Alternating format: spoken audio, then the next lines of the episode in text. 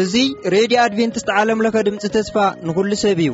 ሬድዮ ኣድቨንትስት ዓለምለኸ ኣብ ኣዲስ ኣበባ ካብ ዝርከብ እስትድዮ እናተዳለወ ዝቐርብ ፕሮግራም እዩ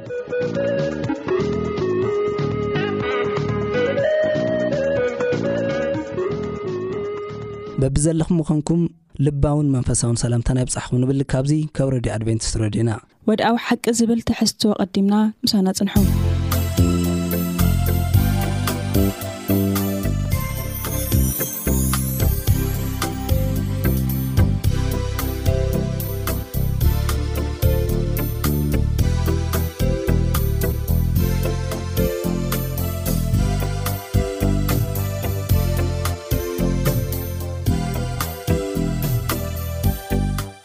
ሰላም ሰላም ኣብ ቦቱ ኮንኩም መደባትና እናተከታተልኩም ዘለኩም ክቡራት ተከታተልቲ መደብና እዚ ብዓለም ለካ ኣድቨንስ ሬድዮ ድምፂ ተስፋ ንኩሉ ሰብ እናተዳለወ ዝቀርበልኩም መደብኩም መደብ ወድዊ ሓቂ እዩ ኣብ ናይ ሎም መደብና ድማ እንሪኦ ዘይናቃነቅ ተስፋ ብዝብል ኣርእስቲ እዩ ዝከውን ማለት እዩ ከም መእተዊ ጥቕስና እንሪኦ ኣብ ሮሜ ምዕራፍ ሓሙሽተ ፍቕዲ ሓሙሽተ ዘሎ እዩ። ከምዚ ድማ ይንበብ፣ በቲ እተዋህበና መንፈስ ቅዱስ ፍቕሪ ኣምላኽ ኣብ ልብና ስለ ዝፈሰሰ እታ ተስፋ ድማ ኣይተሕፍርን እያ። ክደግሞ እየ፣ በቲ እተዋህበና መንፈስ ፍቕሪ ኣምላኽ ኣብ ልብና ስለ ዝፈሰሰ እታ ተስፋ ድማ ኣይተሕፍርን እያ ይብል እሞ ቅድሚ ምጅማርና እግዚኣብሔር ኣብ ማእኸልና ተረኺቡ ክመርሓናን ከምህረናን ሕፅር ዝበለ ጸሎት ክንጽሊ ኢና። ንጸሊ። እግዚኣብሔር ኣምላኽ ስለዚ ግዜን ሰዓትን ነመስግነካ ኣለና ሕጂ ድማ ካልካ ክፊትና ኣብ መፅንዕሉ እዋን ንስኻ ምሳና ክትከውን ከተምህረናን ንልምነካ ኣለና ብጎይታና መድሓና ንስ ክርስቶስ ስም ኣሜን ኣሜን ሕራይ እምበኣር ክቡራት ሰማዕትና ሎሚ ምሳኻትኩም ዘለና ኣነ ኣማን ፍሳሄ ምስ ሓፍትና ሽቹን ምስ ሓፍትና ሰላም መብራህቱን ብምዃን እዩ መጀመርያ ፃውዒት ኣኽቢርክን ስለዝመፃኽን እግዚኣብሔር ይባርክክን ክብል ፈቱ እምበር ናብቲ ናይ ሎሚ ቅድም ኢለ ዝበልክዎ ዘይነቓቕ ተስፋ ብዝብል ኣርእስቲ እንሪኦ ሓሳብ ብእግዚኣብሄር ዝተዋህበና ተስፋታት ሓቀኛን መሰረት ዘለዎ ኣብኡ ድማ ሪላይ ክትገብር ወይ ድማ ክትድገፍ ዘኽእል ዓብ ተስፋ ምዃኑ መፅሓፍ ቅዱስ ይዛረበና እዩ እሞ እስኪ ናብቲ ናይ መጀመርያ ሕቶ ክኣቱ እሞ እንጅምሮ ኣብ ካብ ዕንባቆም መፅሓፍ እዩ እሞ ዕንባቆም ኣብ ዕንባቆም ምዕራፍ ሓደ ካብ ሓደ ክሳብ ኣርባዕተ እንታይ እዩ ኣጋጢምዎ ብዝብል እስኪ ንጀምር ናይቲ ተስፎ ምክንያት ከንታይ እዩ ብዝብል እስከ ንጀምር ሓፍናቹ ባእክ ጀምር እወ ሕዚ እቲ ዋና ሓሳብና እንታይ እዩ ኣብ ፈተና ኣብ ዝተፈላለዩ ስቃያት ክንሓልፍ ከለና እቲ ባህሪ እግዚኣብሔር ምፍላጥ ሓደ ዓብይ ነገር እዩ ማለት እዩ ኣብ ናይ ዕንባቆም ሕዚ ክንርኢ ከለና ናይ ዕንባቆም ሓደ ጾር እዩ ነይሩ ወሱ ናቲ ህዝቢ ፆር ማለት እዩ ናይ እስራኤል ፆር ኣብቲ ተገዚኦም ኣብ ልካድሉ ቦታ ዝነበሮም ስቃይ ዝበፅሖም ዘሎ ጭቆና ዝበፅኦም ዘሎ በደል በቃ ተሪእዎ ኣብ ቅድሚ እግዚኣብሄር ከም ዝበፀ ንርኢ ማለት እዩ ከምዚ ይብል እንደም እምባቆም ሓደ ሓደ ጀሚርና ክንርኢ ከለና ቁፅሪ ክልተ ጀሚረ ካንብወ ከምዚ ይብል ወ እግዚኣብሄር ንስኻ ከይሰማዕኻስ ክሳዕ መኣዝ ክእዊ እየ? ኣነ ዓመጽ ኢለ ናባኻ ኣእዌኹ፣ ንስኻውን ኣያዳህንካናን። ስለምንታይ ኣበሳ እናረኣኻሲ ንስኻስ ሕሰም እትጥምት? ምዝራፍን ዓመጽን ኣብ ቅድመይ እዩ፣ ባእስን ክርክርን ይለዓል ኣሎ። ስለዚ ሕጊ ደኸመ፣ ፍትሒውን ከቶ ኣይወጸን። እቲ ረስእ ነቲ ጻድቅ ከቢብዎ እዩ እሞ፣ ስለዚ ፍርዲ ቀኒኑ ይወጽእ ኣሎ ኢሉ ማለት እዩ።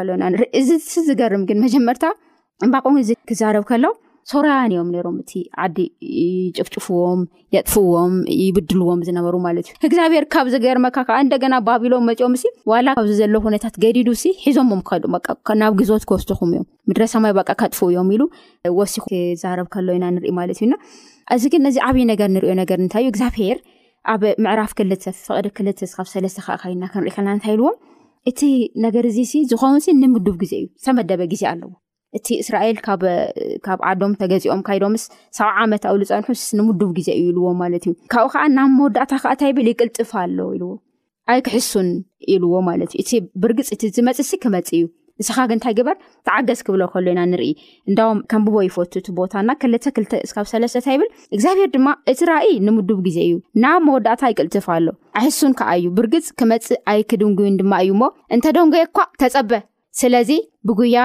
ክንበብሲ ነቲ ራእይ ጸሓፎ፣ ኣብ ሰሌዳታትኩም ቅረጾ ኢሉ መለሰሉ። እነሆ ነፍሱ ተነፍሓ፣ ኣብኡ እውን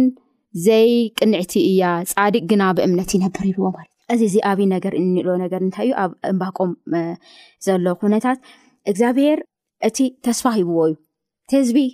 ክብተን እዩ ትህዝቢ ብሳላ ብዝገበሮ ሓጢኣት ብዙሕ በደል ክበፅሑ እዩ ግን ምስ ተስፋ ከዓ ከም ዝገበሩ ኢና ንርኢ እቲ ግዜ ኣይክድንጉን እዩ ዋላ እንተነውሐ ከዓ እንታይ ግበር ተፀበይ ንኣምላክ ተፀበይ ኢሉ ክምልሰሉ ከሎ ኢና ንርኢ ማለት እዩና ናይ እግዚኣብሄር መግለፂ ኣውዚ እግዚኣብሄር እንታይ ዓይነት ኣምላኽ እዩ ባህሪ እግዚኣብሄር ኣብዚ እንታይ እዩ ሃመይ ኢሉ ይረኣየሉ ዝብል ነገር እግዚኣብሄር ልዕሊ ኩነታት እዩ እግዚኣብሄር ልዕሊ ነገራት እዩ እግዚኣብሄር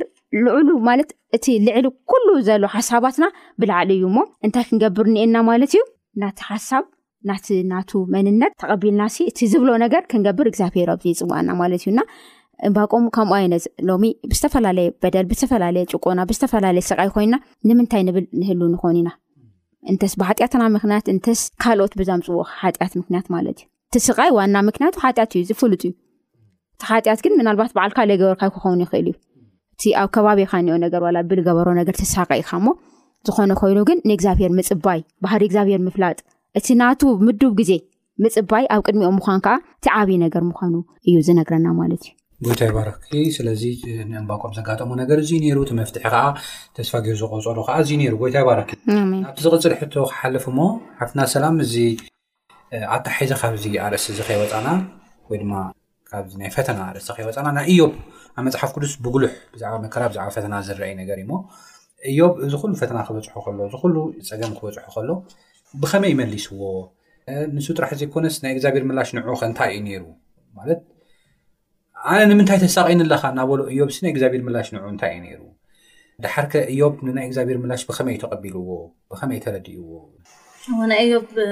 እዮብ ኩሉ ግዜ ክንገልፆ ከለናስ ብትዕግስቱ ኢና ክንገልፆ ሕጂ ናይ እዮብ ዛንታ ከዓ ምስ ናይ እዮብን ናይ ሰበይቱን ገይረ ከወዳድሮ ደስ ዝበለኒ ናይ ሰበይቱ ተሪእኻዮሲ ኣብቲ ዘጋጥም ዝነበረ ሽግር እያ ነይራ ትሪኦ ዝነበረ ትጥምቶ ነገርሲ እሱ እዩ ነይሩ እዮብ ግን ካብኡ ኣመሓሊፉ በቃ እቲ ሽግርሲ ምንም ነገር ከም ዘይኮነ ኣብ ቅድሚ ኣምላኽ እቲ ዝዓበየ ስእሊ ዝርእዮ ነበርስ እግዚኣብሔር ምዃኑ ኢና ንዕዘብ ማለት እዩ ኣብ እዮብ ክንርኢ ከለና ማለት እዩ ስለዚ እዚ ኩሉ ሽግር ክረኽቦ ከሎሲ ኣየማረረን ርገሞ እሞ ሙት ክትብሎ ከላሲ ግን እሱ እንታይ ክብል ከሎ ንርኢ ኣይረግሞን እዩ ክብል ከሎ ነቲ ሽግሩሲ ልዕሊ እግዚኣብሔር ገይሩ ከም ዘይረኣዮ ኢና ንርኢ ማለት እዩ ስለዚ ዓቕሉን ትዕግስቱን ኢና ንርኢ ማለት እዩ እምበር ከምቲ ዝበፅሖ ፈተና እንተሪኢኻዮ ንእዮብሲ እቲ ዘጋጥሞ ዘሎ ነገር ንምንታይ ምዃኑ እኮ ኣይፈልጥን እዩ ሕጂ ንሕና ፈሊጥናዮ ክንዛረብ ከለና ይቀለና እዩ ግን እዮብ ንምንታይ ከምኡ ክከውን ኣሎ እዚ ኩሉ ፈተና ንምንታይ ይመጸሉ ኣይፈልጥን ኔሩ ስለዚ ንኣምላኽ ከጉረምርምሲ ኣብ ኣብ ናይ ሰብ ቦታ ኮንካ ክትሪኦ ከለካስ ድቀለለ ነገር ኮይኑ ይረኣየካ ግን እዮብ ኣብዚ ነገር እዚ ንኣምላኽ ከምዘየማረረ ከምዘየጉረምረመ እኳ ድኣኒ ምንም ክፋእ ዝኮነ ቃላት ከምዘየውጸ ኢና ንርኢ ማለት እዩ ኣብ እዮብ ኣርብዓ ኣርባዕተ እንተሪኢና ክምልሰሉ ከሎ ኣርባዕተን ሓሙሽተን እንተሪኢካዮሲ እንሆ ኣነ ምናምን እየ እንታይ ኢለከ ክምልሰልካ ንኣፈይ ብኢደይ ሒዘያ እየ ሓንሳእ ተዛሪበ ነይረ ሕጂ ከኣ ኣይክመልስን እየ እረ ክልተ ሳዕ ግናኸ ኣይክደግምን እየ ክብልኩም። እግዚኣብሔር ምስ መለሰሉ ማለት እዩ እወ ብቐጥታ እግዚኣብሔር ንእዮብ ቀጥታዊ ምላሽ ኣይሃቦን ግን በቲ ምስ መለሰሉ ከምዚ ኢሉ ከንቀጥቅጥ ከሎ ኢና ንሪሞ ብከመይ ክትርእዮ እሱ ሚን ክሊር ክትገብርለይ ስለ ዘለኹ እየ ቅሬታ እወ ሕጂ እቲ ዕቤት ኣምላኽ እዩ ዝርኢ ዘሎ ካብቲ ሽግሩስ ንእግዚኣብሔር ኣዕብዩ እዩ ዝሪኦ ዘሎ ማለት እዩ። እዚ ኩሉ ነገር ሲ ይሓልፍ ምዃኑ እዩ ዝዕዘብ ዘሎ ማለት እዩ። ኣምላኽ ሲ ናይ ኩሉ ነገር ተቖጻጻሪ ምዃኑ ኣሚኑ እዩ ዝዛረብ ዘሎ ወላ ኣብዚ ክንዕዘቦ ከለና ማለት እዩ። ስለዚ በቃ ንኹሉ ነገር ሲ ንስኻ ኢኻ ትኽእል ኢሉ ኣብ ኣምላኽ ክውከል ከሎ እንደገና እውን ኣብቲ ዝሓለፈ ትምህርቲ ሰንበትና እውን ከም ዝረኣናዮ ጥራየ እየ መጽየ እሞ ጥራየ ከዓ ይኸይድ ክብል ከሎ ንርኢ። ስለዚ ኩሉ ነገሩ ሲ ንእግዚኣብሔር ከም ዝደርበዮ ይነግር ማለት እዩ። ካልእ ኸኣ ኣብዚ ማለት እዩ እንታይ ይብል ኣብ ሓደ ሰብ ዝጸሓፎ ጽሑፍ ኣብዚ እኒኦ እሞ እንታይ ይብል እግዚኣብሔርሲ ይብል እንታይ ከም ዝገብር እንተ ሓቲትካዮ ይብል ንእሱስ ብፍጹም ኣይነግረካን እንታይ ትገብር ኣለካ እግዚኣብሔር ከምዚ ክኸውን ከሎ እንታይ ትገብር ኣለካ ከምዚ ምስ በፅሐኒ እንታይ ትገብር ኣለካ ኣበይ እኒኢካ ትርእየኒ ኣለካ ገለ ክብል ከሎ እግዚኣብሔር ኣይምልሶን እዚ መልሲ እዚ ሕጂ እዮ ክርኢነ እዎ ደቕሱን ኣላ እዮ ናይ እግዚኣብሔር ክብርስ ምስዋር ነገራት እዎ ኣነስ ኮይኑ ይረኣየ ኣምላክ ስንባዕሉ ሲ በቃ ነገራት ሲ ምስዋር እዩ። ክብሪ ነገስታት ከኣ ነገራት ምምርማር እዩ። ሕጂ ናይ እግዚኣብሔር ሓሳብሲ ምሉእ ብምሉእስ ክንርድኦስ ኣይንኽእልን ኢና። እና ዳይሬክት ዝኮነ ምላሽ ኣይኮነን ዝበካ ርእሱ እዩ ዝገልጸልካ እወ እወ ሕጂ ርእሱ ዕቤቱ እዩ ልገልጽ ከም ተዝለለቱ ዕቤቱ ማለት እዩ ዝገልጸልካ እኮ ግን እዩ። ዕቤቱ እንድሕር ናይ እግዚኣብሔር ዕቤት እንድሕር ትርኢ ደሊኻ ግን እግዚኣብሔር ይገልጾ እዩ ንባዕሉ ማለት እዩ ንእዮብ እውን ከምኡ እዩ ገይርዎ ወደ ኦ እቲ ዕቤቱ እዩ ገሊጽሉ ማለት እዩ ኦ ድሓር እቲ ዕቤቱ ርእዩ እውን እዩ ካብቲ መከርኡስ ንዕቤት ኣምላኽ ምስ ረኣየ ርእሱ እዩ ዋሪዱ ኣነስ ዘይፈልጦ ነገር እንታይ ኮንካ እንታይ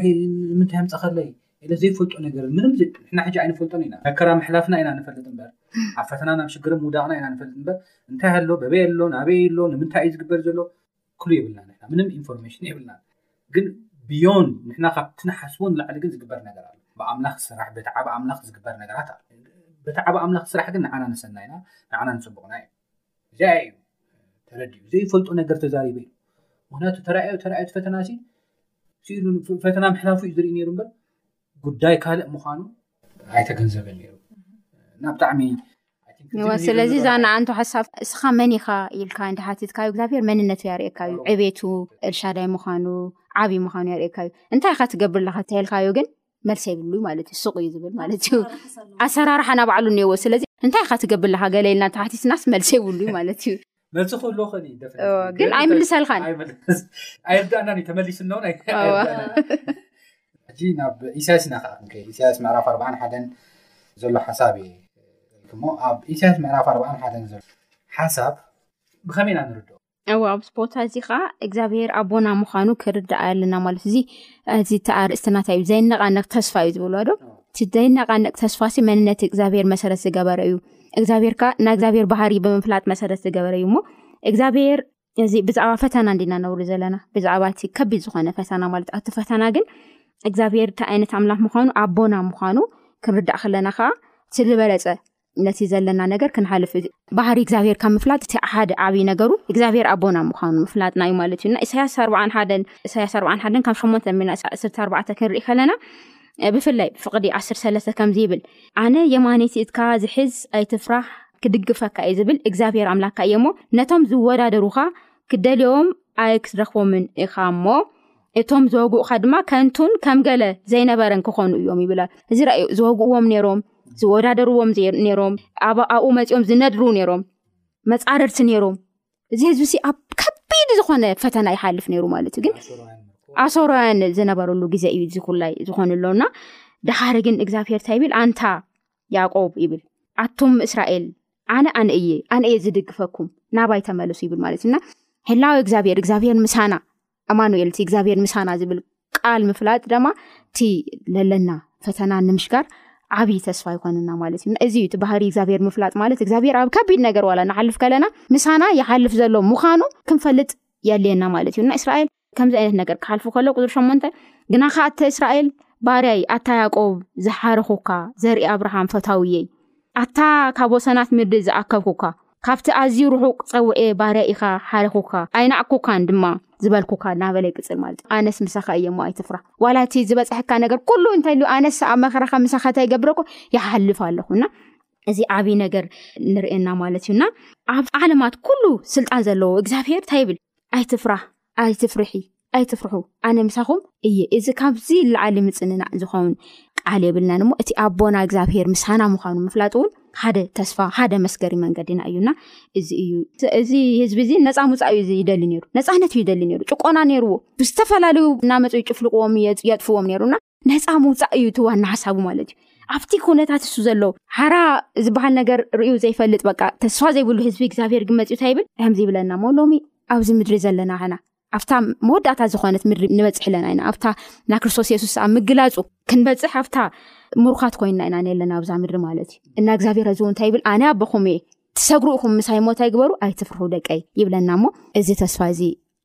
ከም ናትና ተስፋ ከም ውልቀ ሰብ ናይ በዓለ ተስፋ ኢልና ክንሕዞ እዩ ንነግረና ማለት እዩ ጎይታ ይባርኪ ሓፍትና ቹቹ ብጣዕሚ ደስ ዝብል ሓሳብ እዩ ምዚ ታሒዘ ናብ ሓፍትና ሰላም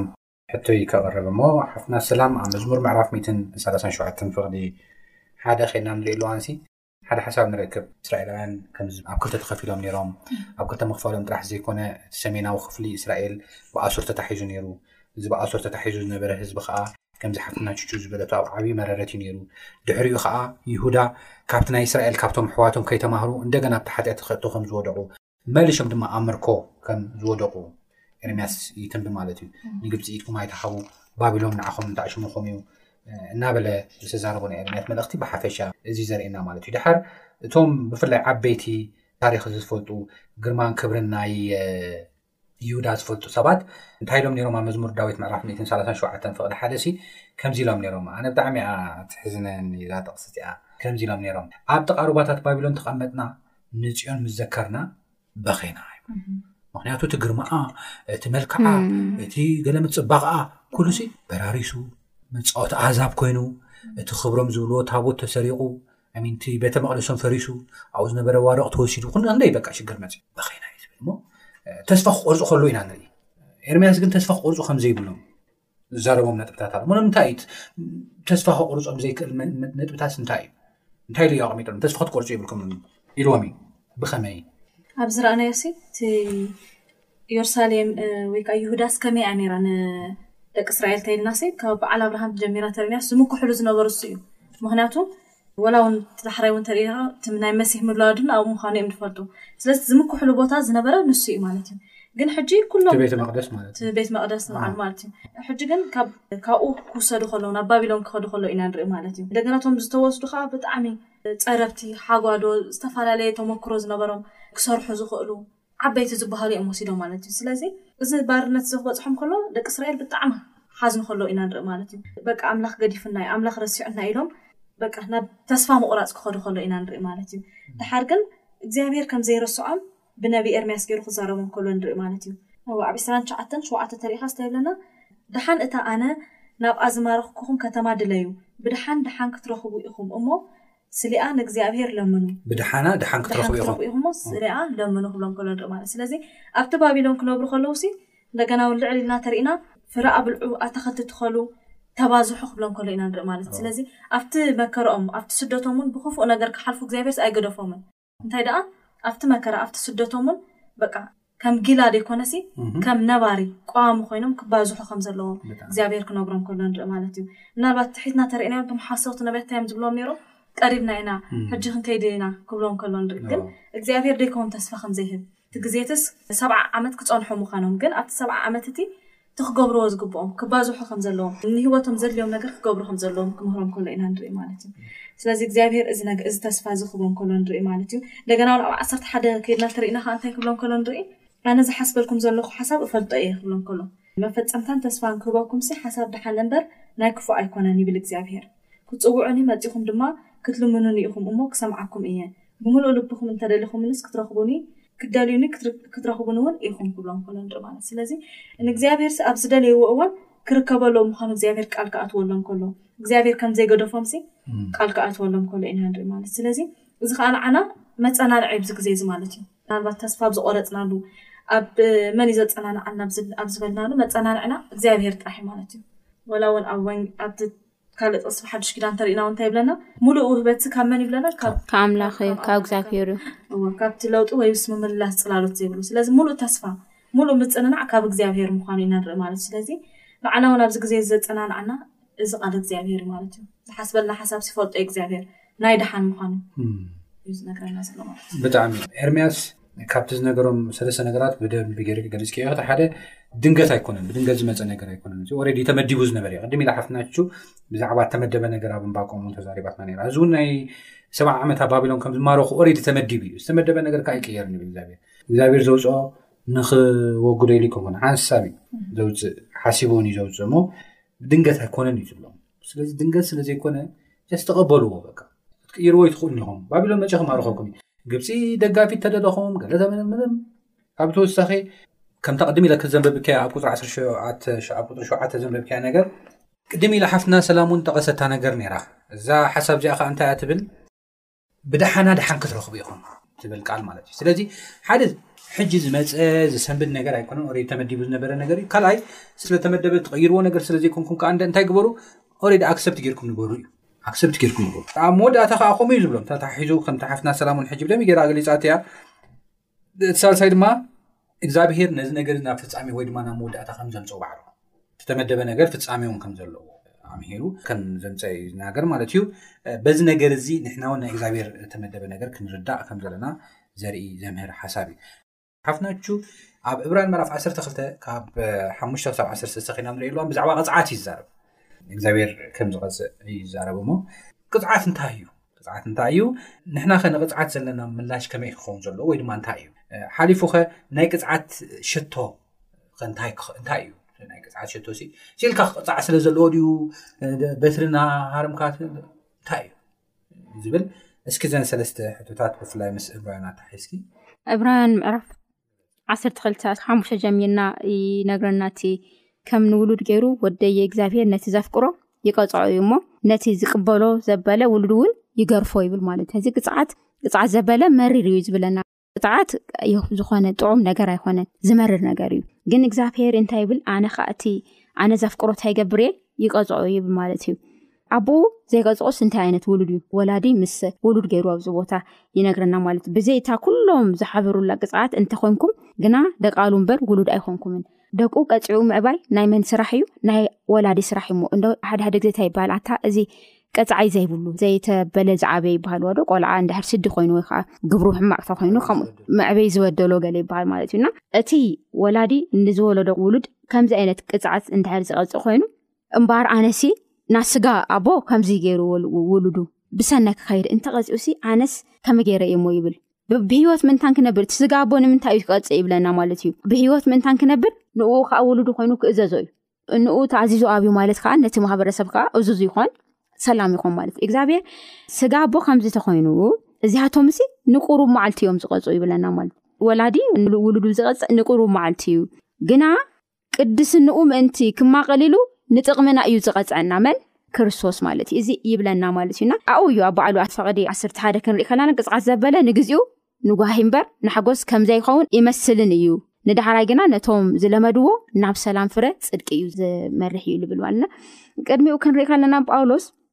ጳውሎስ በዓሉ እኮ ካብቶም መከራ ተቐቢሎም ካብ ዝሓለፉ ሰባት ሓደ እዩ ወዶ ጳውሎስ ግን ብዛዕባቶም ናይ እምነት ጀጋኑ ይነግረና ምዕራፍ ዓሰርተ ሓደ ማለት እዩ ናይ እምነት ጀጋኑ ክዛረብ ከሎ ከዓ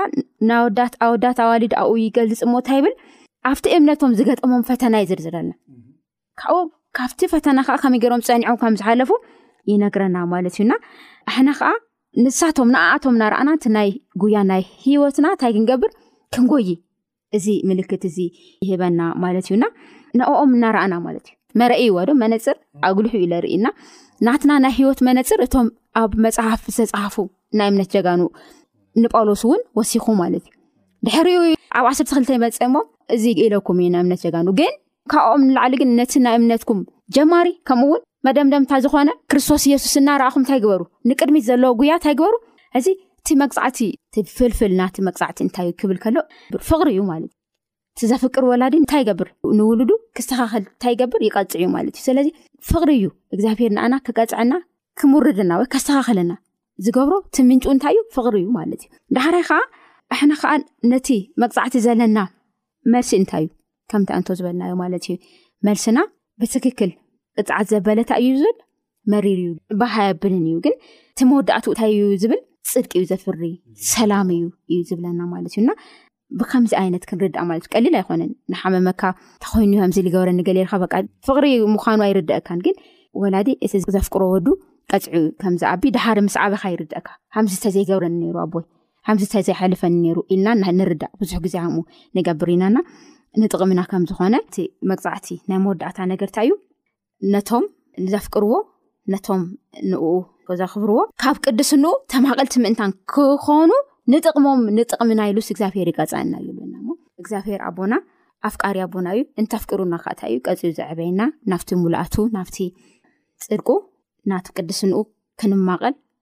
ንጥቅምና ኢሉ ዝቐፀዐና ኣምላኽ ምዃኑ ክንርዳእ ይግባኣና ማለት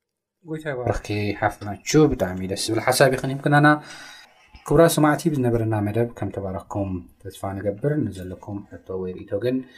በቲ ልሙድ ኣድራሻና ናብ ዓለምለኸ ኣድቨንስ ሬድዮ ድምፂ ተስፋ ኩሉ ሰብ ጉዙሳትን ቦሳና 145 ኣዲስ ኣበባ ኢትዮጵያ ወይ ድማ ቁፅሪ ስልክና